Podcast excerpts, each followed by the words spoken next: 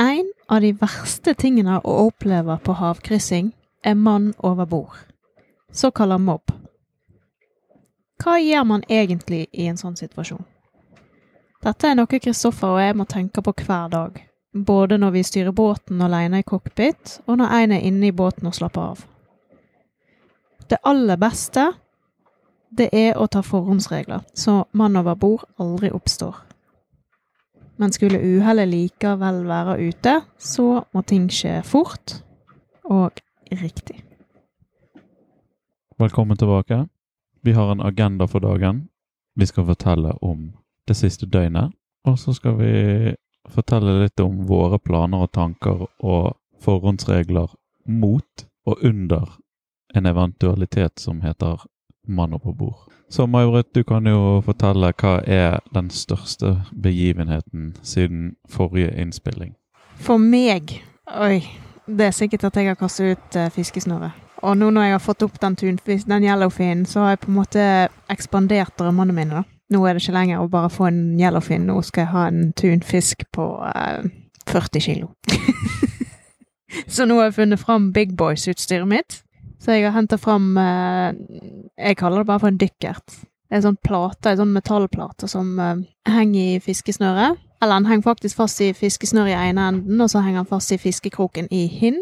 Når uh, jeg fisker uten at det er noe som har bitt på fiskesnøret, så presser plata snøret ned, sånn at jeg får fiska lengre eller djupere ned der som storfisken er. Men hvis det skulle nå komme en 40 kilos tunfisk og bite på kroken og dra den ned, så snur den plata, sånn at strømmen i vannet hjelper den plata oppover og vil dra en eventuelt fisk opp mot overflaten og hjelper meg å få den opp. Sverdfisk, hva gjør du da? Nei, hva gjør jeg da? Jeg nå bare sleper det opp og skjærer halsen av det. Må bare være forsiktig med det sverdet. Hva du tenkte du, at du skulle sette den fri igjen? Ja, hvis han er for stor. De kan jo ofte bli veldig store. Ja da, altså, det er jo begrensa på hva vi kan ta opp, men jeg tror ikke det er så lett å ta opp en stor tunfisk og slippe den Nei, en stor sverdfisk og slippe den løs igjen, heller. Ja, de bruker jo denne uh, sverdet til å prøve å kjempe seg fri, så dette blir jo litt sånn Ja, det er nesten så jeg tenker at det enkleste er å bare ta livet av det og ete det. Ja, det kan hende. Vi får først få ett land på kroken, da, tenker jeg. Men uh, mitt mål nå er i hvert fall noe stort. Om det er en sverdfisk eller uh, wahoo Kanskje ikke er wahoo her lenger, men jeg tar hva som helst så lenge det er stort, som hun sa. Nei, så det er jo en sånn finurlig greie du har på sluken. Og sluken, akkurat den som er ute nå, den har vi vel kanskje ikke bundet sjøl, men du har jo lagd sluker sjøl. Skulle vi prøvd å hive ut nå når du har denne dykkerplaten, noen av disse her andre svære slukene? Ja, så jeg tenker at i dag skal jeg faktisk prøve litt forskjellig.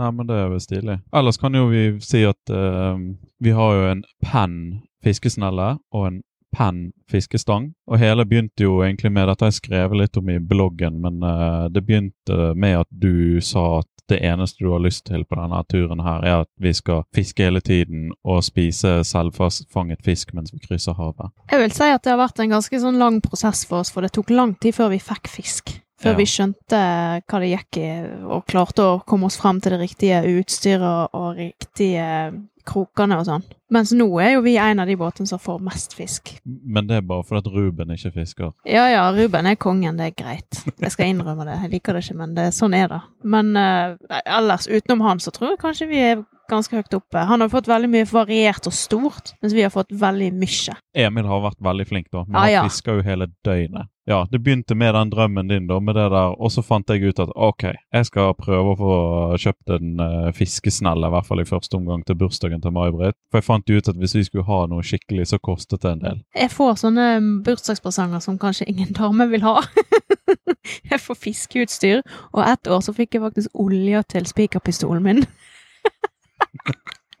jeg ble glad for det, da, men uh... Så endte det i hvert fall opp med at jeg fant Penn Squall SWS50, eller noe i den duren der. Eh, med to gir og trollingfunksjon og litt sånn, så fant jo vi ikke noen fiskestenger i Norge til den stangen, nei, til den snellen etterpå. Men der eh, så fant jo vi, etter tips fra Jon Rune, så fant jo vi Sotra Not på Sotra. Eh, Det er jo en fiskebutikk som hadde alt vi trengte for litt sånn spesiell eh, havfiske. Det var jo der vi blant annet også kjøpte den selen. Og for å forklare hvordan det her funker, da, så har man en fiskestang Oi, delfiner bak oss! Nei! Hold deg ikke unna kroken min. De er de for smarte, det der. Hvorfor dykker de der med kroken min? Du så det? Kanskje, de, kanskje det er tunfisk som luker luker, lurer rundt kroken. Men du, det er et veldig godt tegn. Da er det liv her. Men uansett, så på Sotra Not så fant vi i hvert fall at de var villige til å skaffe alle mulige pennstengere som vi måtte ha lyst på. Og så, etter å ha snakket litt med de, og vi hadde jo litt høye forventninger, så landet vi for uh, den fiskestangen som vi har i dag. Og den har jo vært, i hvert fall til nå, tilstrekkelig til alt vi har dratt opp. Så det har vært kjempegod hjelp der ute. Men nå funker det i hvert fall. Vi har fått fisk. Vi er fornøyd med fiskeutstyret. Og eh, satser på å få noe mer spennende nå eh, fremover. Helst ikke delfin. Hva er, din, hva er ditt høydepunkt da fra siste døgnet? Mitt høydepunkt er at vi så Monaco Grand Prix. Og nei, sånn som enkelte småbarnsfedre har hintet om til oss på Messenger, det er ikke der Sverige vant. Monaco Grand Prix er Formel 1, og jeg skal ikke avsløre noen vinner eller noen ting, men jeg syns det var gøy, et gøyt race. Inneholdt mye. All ære til eh, Elon Musk og Starlink og eh, SpaceX som har eh, fått det til sånn at vi kan sitte og streame full HD Formel 1 midt ute på Atlanterhavet. Jeg er veldig overraska over kvaliteten. Superbra kvalitet. Ingen avbrudd. Nei. Formel 1 og fiske, det er vel stort sett det det har gått i. Og så tenkte vi at vi skulle ta opp et tema. Vi har jo en rekke sikkerhetstiltak for å hindre at man får en mann over bord-situasjon. Vi har litt forskjellige typer utstyr, og vi har litt forskjellige typer regler. Regel nummer én når man går her om bord, er at man skal alltid være to oppe i cockpiten hvis man beveger seg fram på båten, og den som beveger seg fram på båten, skal ha den vesten på seg som har AIS-sender i seg, en sånn Mob 1-elektronikk som slår seg ut hvis vesten blåser seg opp. Eh, og så skal vi, i hvert fall hvis det er dårlig vær, så skal man da være festet inn med en sikkerhetslinje i tillegg. Og så har vi en annen regel at hvis man er alene her oppe, så har man alltid vesten på, og i utgangspunktet så, så skal man ha sikkerhetslinen på seg til enhver tid, for vi har en sikkerhetsline som er festet under roret, eller under rattet, og den når egentlig hele cockpiten. Så når man er alene, så har man den eh, riktige vesten på seg, og man er festet i det sikkerhetspunktet med sikkerhetsselen. Og det er liksom en sånn no-go å gjøre noen andre ting enn det. Skal noe annet skje, så skal man i utgangspunktet bare vekke den andre, fordi at da, da vil man ha flere øyne på saken. Ja, er det noe jeg har glemt i forhold til det? Ja, Vi kan jo òg nevne at uh, vi har bytta plass på hvor vi sover nå. Og det er jo òg litt for at eh, det skal være enklere å høre den andre hvis det skulle skje noe. Enten hvis, hvis det skulle noe f.eks. dette over bord, at jeg kan bare brele, og da faktisk at du har sjanse til å høre det. Og òg at det skal være enkelt å signalisere at du skal komme opp fort. Da kan jeg bare knakke i eh, skroget, så, så hører du det veldig godt. Mm, absolutt. Vi er på en måte fysisk nærmt hverandre. Det er det som er fordelen. Hvis det skulle skje at, man, eh, at eh, en person detter over bord, så er jo normalt regelen at én tar ansvaret med å stille seg en plass, holde seg godt fast og peke på den personen som har falt i sjøen. Og den som har det ansvaret, den personen skal bare se og peke og ikke gjøre noen ting annet i hele den fasen der. Og så skal noen andre da ta ansvar for å hive ut den livbøyen som vi har på siden av båten sammen med, sammen med det lyset som følger med, med en gang. Bare kaste det i, i retning av den personen, så må den personen eventuelt få svømt til det utstyret hvis han trenger det. Neste steg er å med en gang trykke på den mann over bord-knappen som vi har på plotteren. Den etterlater seg et kryss på kartet hvor vi har mistet den personen. Og så går man da umiddelbart i gang med å ta ned seil og snu båten. Så det sier jo seg sjøl at en mann over bord-sak er jo egentlig ikke a one man job. Men det er det jo nå, så det må vi bare forholde oss til.